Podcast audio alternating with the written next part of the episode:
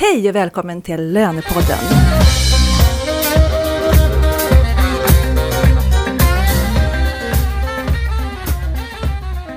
Jag heter Katarina Sand och jag arbetar på rekryteringsbyrån Wise Professionals som bland annat hyr ut och rekryterar lönekompetens. Lönepodden gör vi i samarbete med SRF-konsulterna och Knowit Insight HRM. Temat i det här avsnittet är strategisk lönepolitik och vår gäst är Frida Unander på utbildningsföretaget Lexa HR i Göteborg. Välkommen! Ja, men tack så mycket!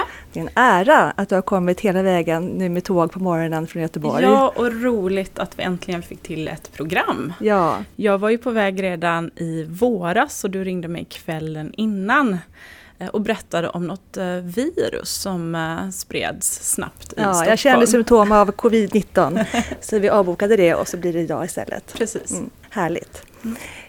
Min bisittare är Magnus Nilsson Fahlén, seniorkonsult inom området digitalisering av lön och HR på mm. Knowit Insight HRM. Mm. Välkommen! Tack så mycket! Det är andra gången du är med en bisittare. Absolut! Ja, det känns tryggt. Ja, det låter bra. Och vi har också en bonusgäst med oss idag. Pia Scherman, lönechef på Arla Foods. Du var med oss i våras och gästade podden. Eh, och då hette avsnittet Nya arbetssätt under coronakrisen. Och du är här idag för att bland annat berätta vad som har hänt sedan du var med senast i podden. För det har hänt en hel del för dig och din löneavdelning tack vare att du var med i Lönepodden. Så att, eh, häng med lyssnare så ska du få höra vad, vad som hände. Strategisk lönepolitik som sagt. Frida, du har ju utbildat på det här området i många år. Eh, framförallt har du utbildat chefer i det här ämnet. Men du har också märkt att det finns en förväntan att lönespecialisten eller lönekonsulten tar en allt större roll när det gäller det här. Och att många beslutsfattare som VD, ekonomiansvariga och chefer faktiskt förväntar sig av lönespecialisten att träda fram här. Mm. Ja men det stämmer. Så det ska vi prata mer om. Men först skulle jag vilja veta, hur definierar du strategisk lönepolitik? Ja, eh, lönepolitik handlar ju inte överhuvudtaget om partipolitik som namnet kanske skulle kunna styra in tanken på. Eh, utan det handlar ju istället om att eh, integrera frågor om lön och belöning i verksamhetens långsiktiga mål helt enkelt. Kan du säga, liksom, vad, vad, ingår där? För jag vet att ja. du, har, du utbildar dig här och det finns ett kursinnehåll. Du kanske kan berätta lite vad, vad som ingår i din kurs? Ja. Mm.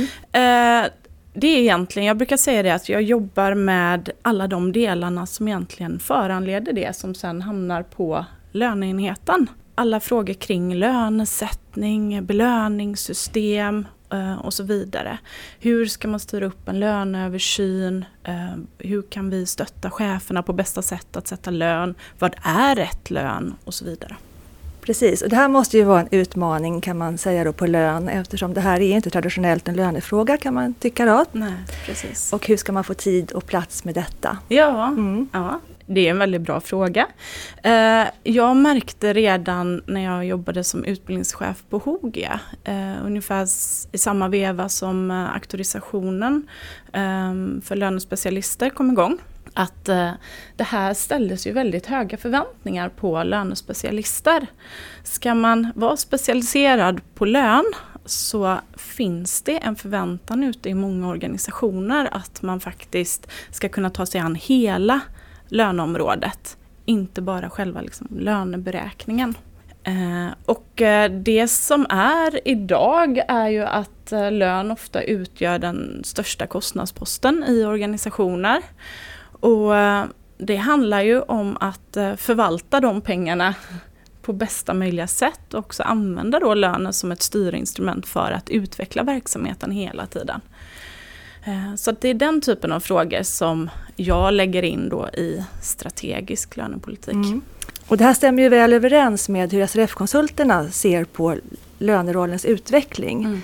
Att eh, man vill utveckla yrkesrollen åt det här hållet. Mm. Och jag vet att du håller en utbildning då som sagt i det här och att mm. SRF-konsulterna har gett då 11 aktualitetstimmar på din utbildning. Vilket ja. är ju ett, ett, alltså ett, ett, en, ett betyg på att det här verkligen är någonting viktigt för auktoriserade lönekonsulter. Ja, eh, det är mycket eh, lönekonsulter ska kunna. det är mycket som ska ingå i utbildningen. Eh, men SRF de har ju sagt på ett tidigt stadie att vi behöver ge den här rollen ännu mer tyngd. Jag vet ju, jag träffar ju VD och chefer regelbundet och jag vet att alla ledningsgrupper pratar lön och belöning under hela året. Eh, men ofta är det då med eh, HR-konsulterna eh, samtidigt som jag menar då att ska man kalla sig för lönespecialist så behöver man ha med sig alltihopa. Mm. Eh, jag tror fortfarande, om vi tittar lite i eh, spåkulan, så tror jag fortfarande att eh, HR-konsulterna kommer att ha hand om den här frågan. Men vi ska också vara medvetna om att alla organisationer inte har någon egen HR-konsult, men fortfarande medarbetare där vi behöver jobba med lönepolitiken internt. Mm. Ja, för där kommer du in på en väldigt intressant fråga tycker jag. Det är ju liksom också att, att lönespecialistens roll den utökas ju med nya ansvarsområden hela tiden. Det är ju både den här frågeställningen, det kan ju också vara liksom mer tekniska frågeställningar, det kan vara automatisering och det kan också vara själva fackkunskapen. Att hålla sig uppdaterad kring ännu mer lagar, regler, avtalsfrågor och så vidare. Ser du någon skillnad i, mellan större bolag och mindre bolag. Privata bolag, offentlig sektor, nationella bolag, organisationer och internationella. Är det någon skillnad på de här frågeställningarna, eller just den här frågeställningen, just i, i de liksom, konstellationerna av bolag? Och...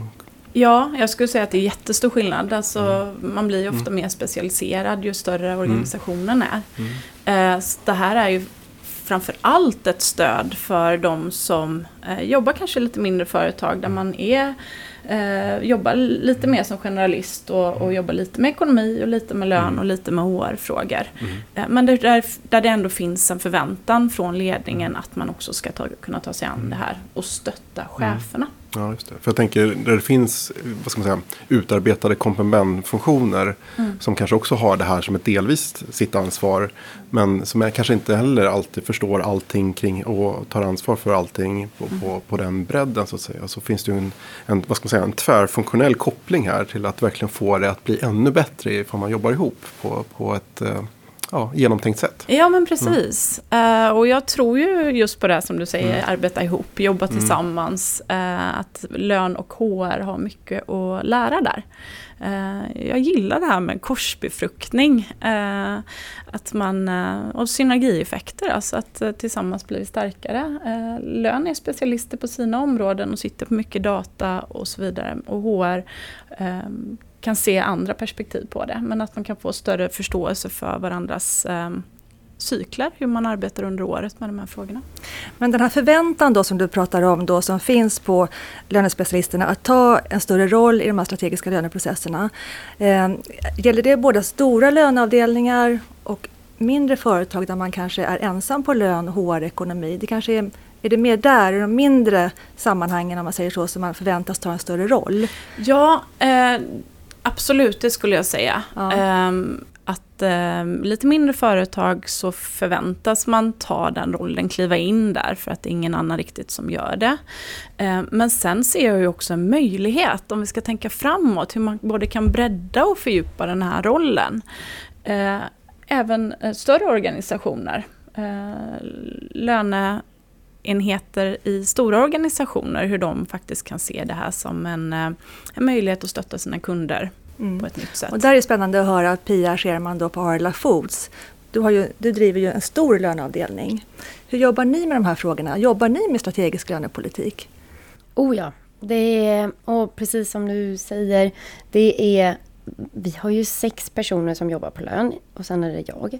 Ehm, vi är väldigt specialiserade idag men jag tror inte att det kommer vara så om fem, tio år. Då kommer det vara en mycket högre förväntan att vi kan de här frågorna.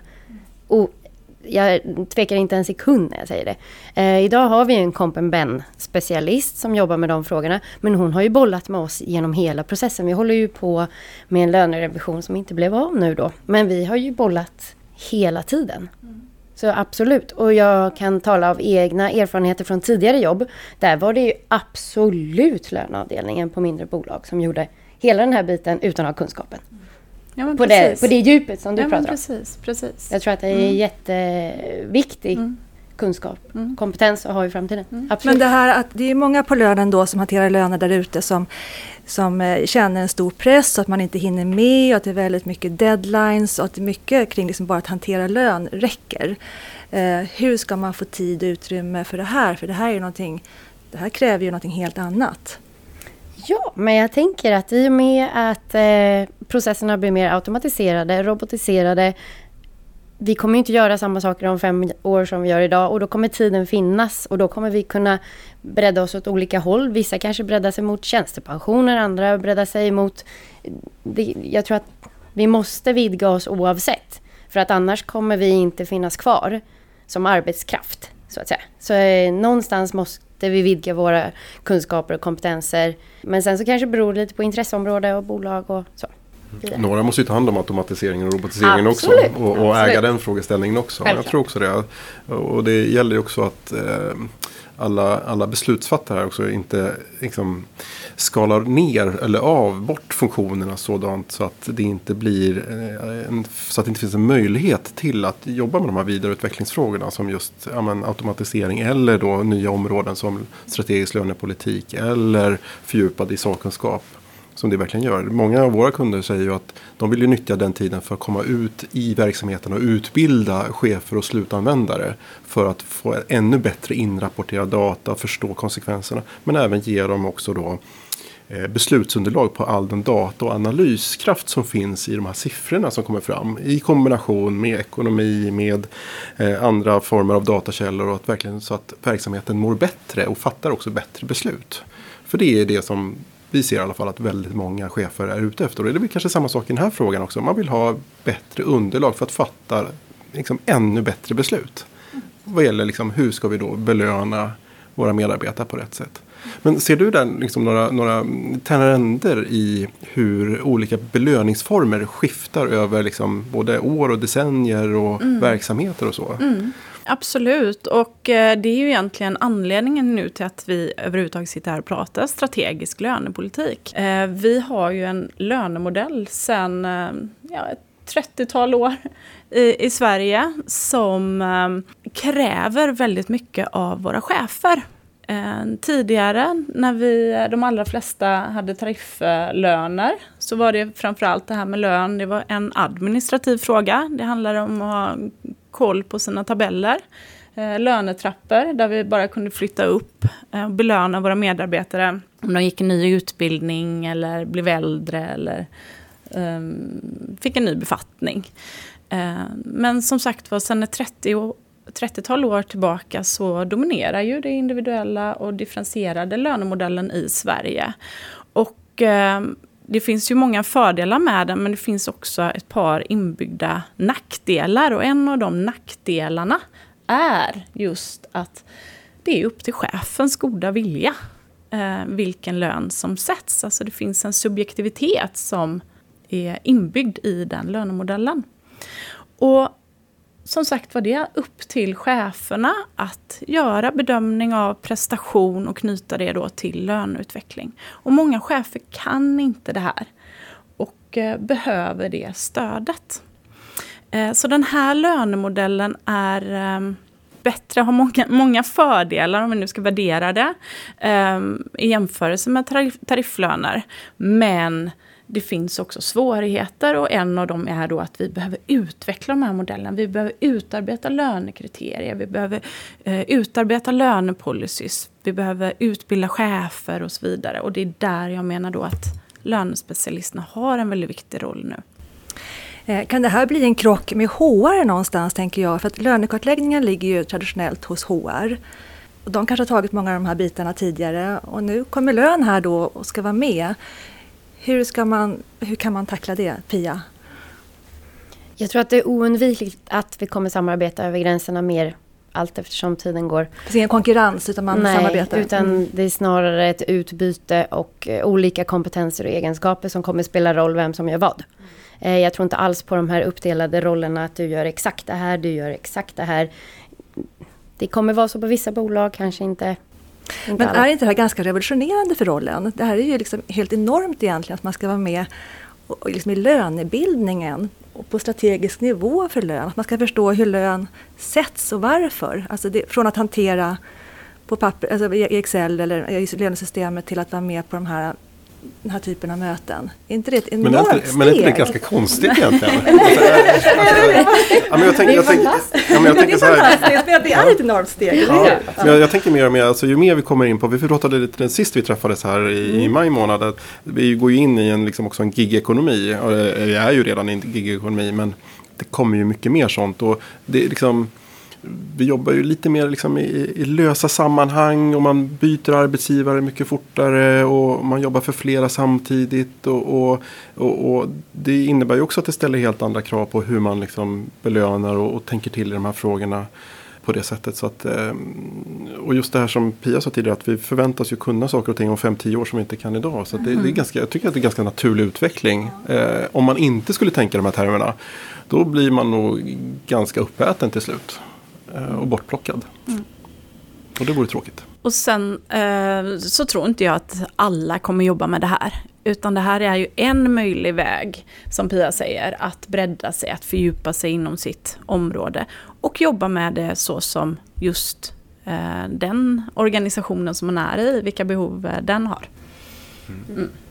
Helt sant. Mm. Och apropå tariffer och sånt. Jag Mm. kommer ju från mejeribranschen Ja. så vi har ju allra högsta grad kvar det. Precis. Men eh, Ja. jag tänker tjänstemanna, stora tunga tjänstemannabolag kontra arbetarbolag är ju två helt skilda Mm. världar fortfarande. Mm.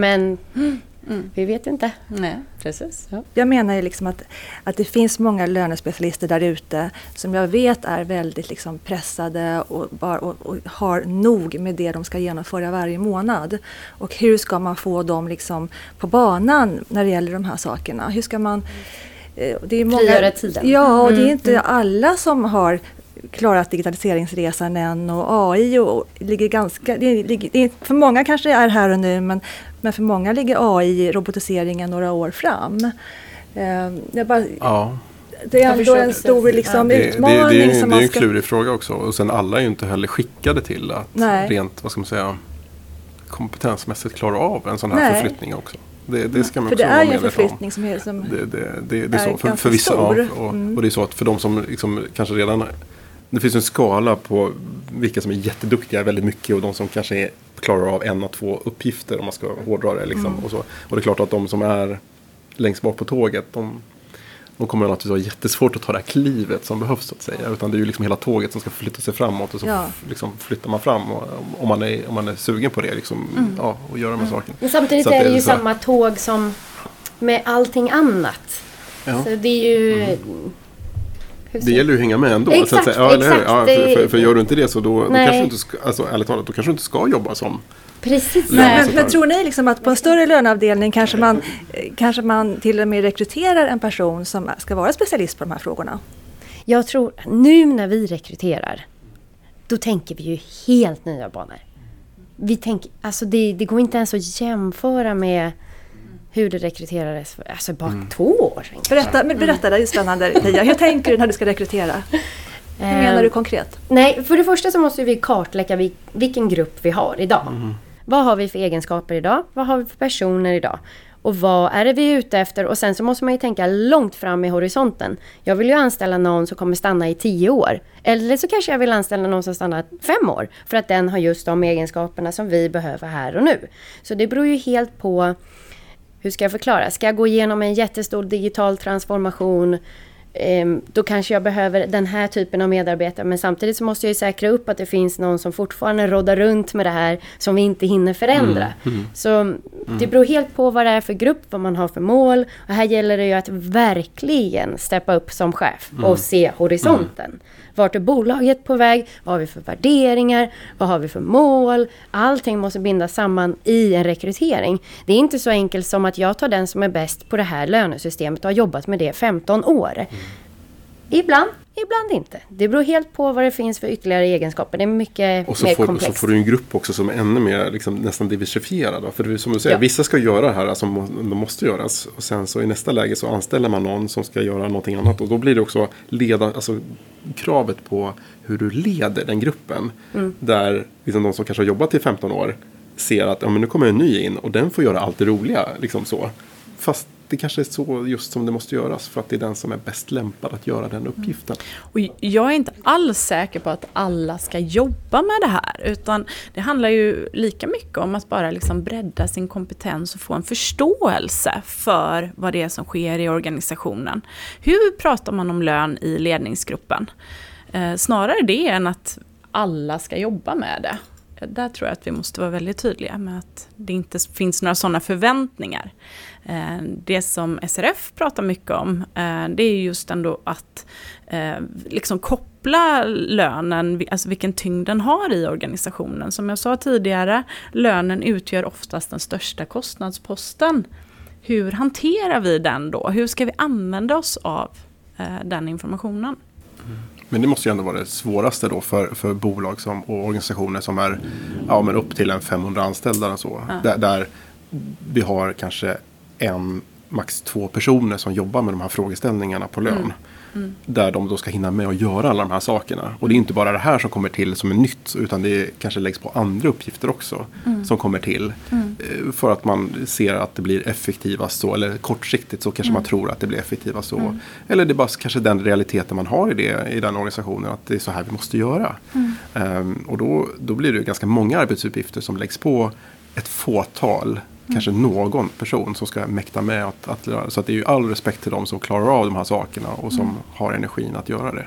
det är, eh, Pia, på Arla, eh, fanns, du har ju varit där ett år nu som lönechef. Ja. Eh, finns det en förväntan från ledningsgruppen på Arla att ni på lön ska ta den här rollen eller är det du som har trätt fram liksom och tagit rollen?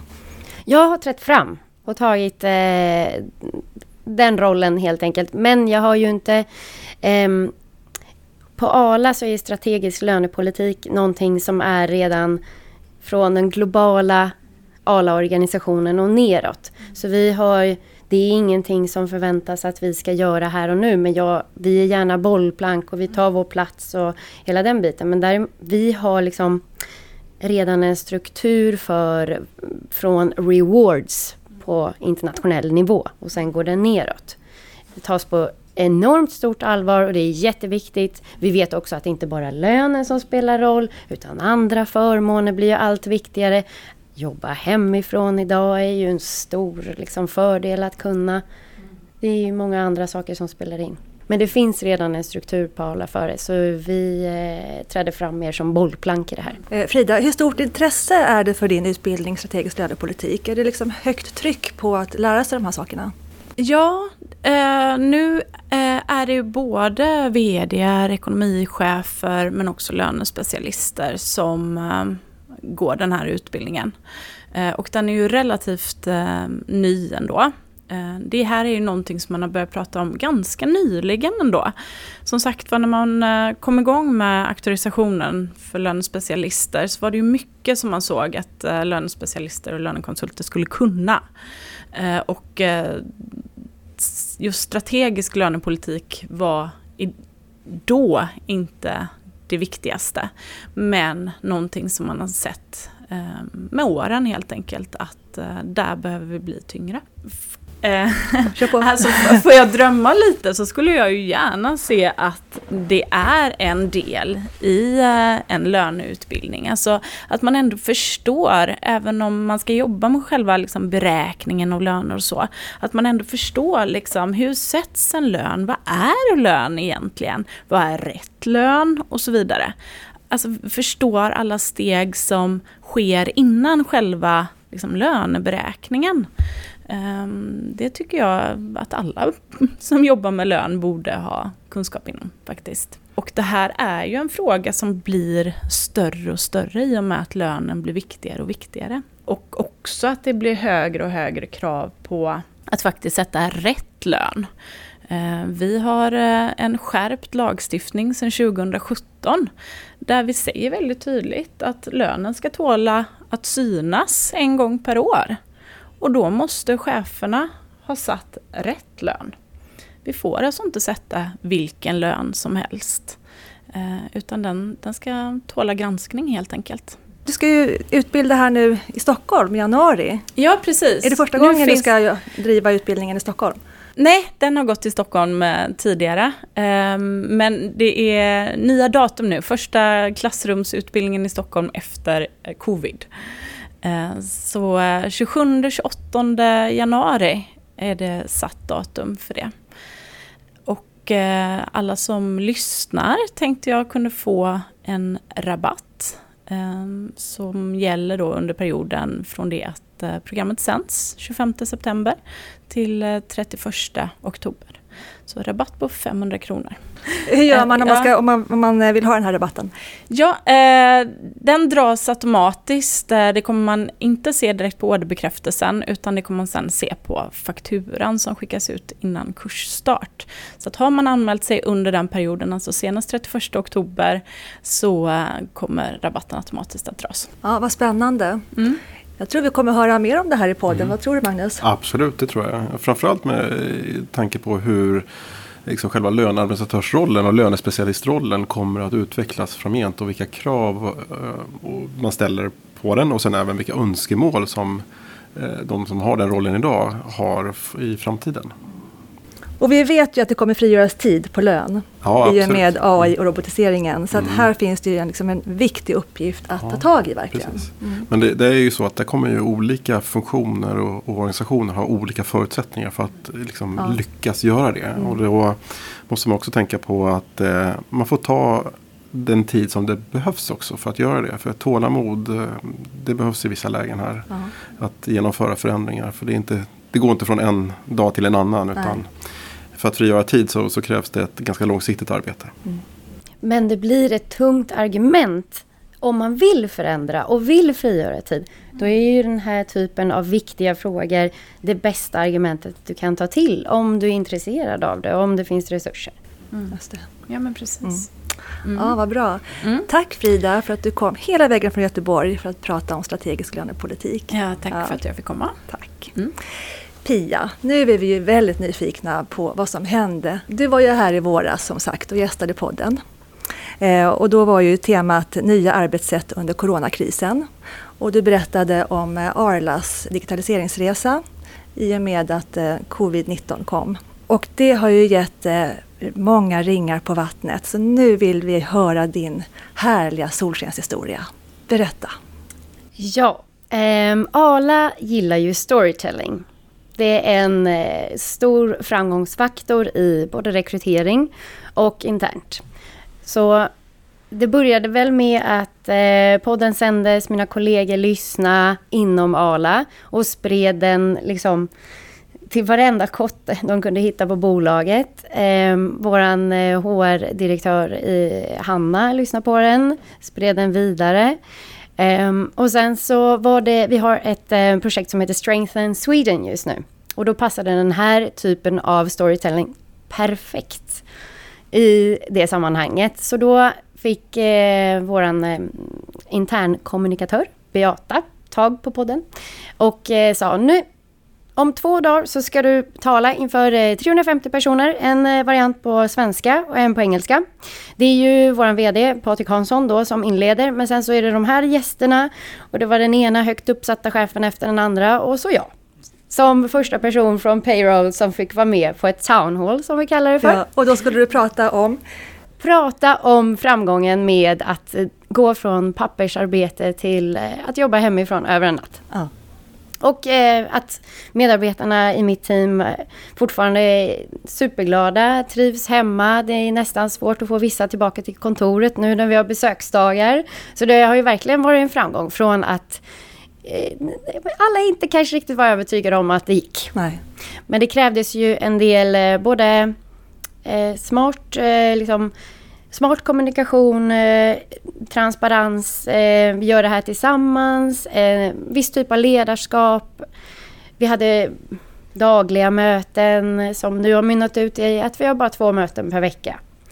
Um, och då var kulturen innan verkligen 8 till 5 på kontoret? Oh ja. ja. Oh ja. Mm. Eh, 7 till 16 gick också bra. men det har luckrats upp med tiden så jag ska inte säga att det var så hårt. Men däremot så var det verkligen åk till kontoret. Ja. Men det var inte nog med det, för vad hände sen? Ja, så efter det svenska townhallet som ändå var ganska stort eh, så fick min chefs chef Michael höra talas om det här som jobbar i Danmark. Han sa, Pia vi måste ta upp ditt eh, exempel med den digitala resan på vårt stora internationella eh, nätverksmöte för alla ledare inom HR. Wow, alltså nu får man ju gåshud. Mm. ja, så det var ju eh, alla möjliga delar från Europa eh, som var med.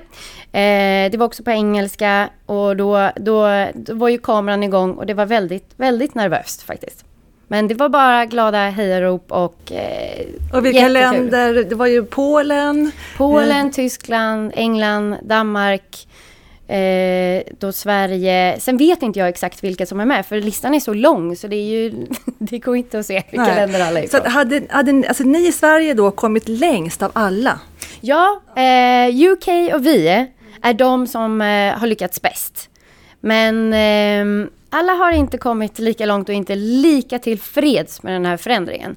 Men Sverige är ju de som liksom har anammat det på bästa sätt. Och vad har, gett, vad har det gett för konsekvenser? För du har väl kommit, du, du, visst kommer du nu att, att hjälpa till på hög nivå med digitaliseringsresan? Ja, alltså jag kommer ju ha som en eh, digitaliserings... Jag har inte fått någon liksom exakt digitaliseringshatt än. Eh, men jag kommer liksom försöka inspirera, peppa. Det är ju väldigt olika i olika länder ska jag säga. Så det kan vara lite känsligt att eh, bara klampa in. Och, men, men vi tar upp det med jämna mellanrum i våra nätverksmöten som vi också har eh, med alla core countries som vi kallar det för. Sen får vi se vad det leder till.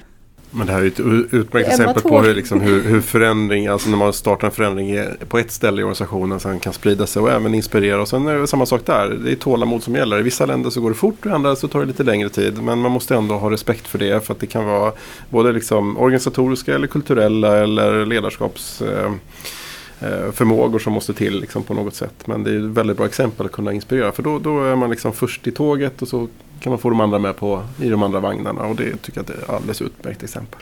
Och vad har det här gett din löneavdelning? Så hur, hur har... Vi är oerhört stolta ja. såklart för att vi som administrativ enhet så är det ju inte så att man belyses när vi jobbar på ett bolag som jobbar med försäljning och bönder. Eh, men det var i rätt tid också. För det var ju under en krisperiod som vi ändå på Arla har hanterat fantastiskt. Alltså jag är så stolt över vårt bolag. Och det har, den ena historien efter den andra rullar upp. Men även vi på payroll. Mm. Alltså jag har ju förstått att det har gått väldigt fort. Uh, har det varit mycket barnsjukdomar och sådär? Och mycket som ni har fått förfina efterhand? Nej, vi har uh, faktiskt med våra digitala hjälpmedel som vi redan hade, mm. men inte använde, Nej. så hade vi ganska bra sopad bana. Och det mm. var det jag såg innan också. Mm. Att de här verktygen... Precis, så vi hade ändå behövt gå den här vägen i alla fall. Mm. Nu var det liksom som att covid hjälpte till och det gick mycket snabbare. Mm. Men att det blev över en natt var ju såklart en chock. Mm. Och jag tror inte alla var... Jag talar ju inte för alla när jag talar med den här enkla optimistiska stämman. Absolut Nej. inte. Nej. Men det har ändå inte utlöst någon kris. Kommer ni fortsätta under hösten att jobba hemifrån? Vi har ju året ut som vi jobbar hemifrån faktiskt. Mm. Och det är alla är väldigt nöjda och glada. Det senaste tillskottet till vår hemmakontorsmiljö är att Arla beställer papperskartongbord som vi kan ställa på ett bord så vi kan jobba stående också. Så nu har vi skärmar, stolar, tangentbord, allting och ett pappersståskrivbord. Härligt, tack Pia för det. Eh, och till dig som lyssnar så hoppas jag att det här kan inspirera. Så har du en liknande historia eller någonting annat som du vill lyfta som du har gjort på din löneavdelning så mejla till mig på katarina.sand.wise.se så kanske du kan gästa podden och vem vet om det här kan få så fina följdverkningar som för Pia på Arla. Tack så mycket hörni. Tack Frida. Tack Pia, tack. Magnus, tack Henke, vår poddproducent på Helst Kommunikation. Eh, vi hörs igen den 25 oktober. Hej då! Hej, hej! hej. hej.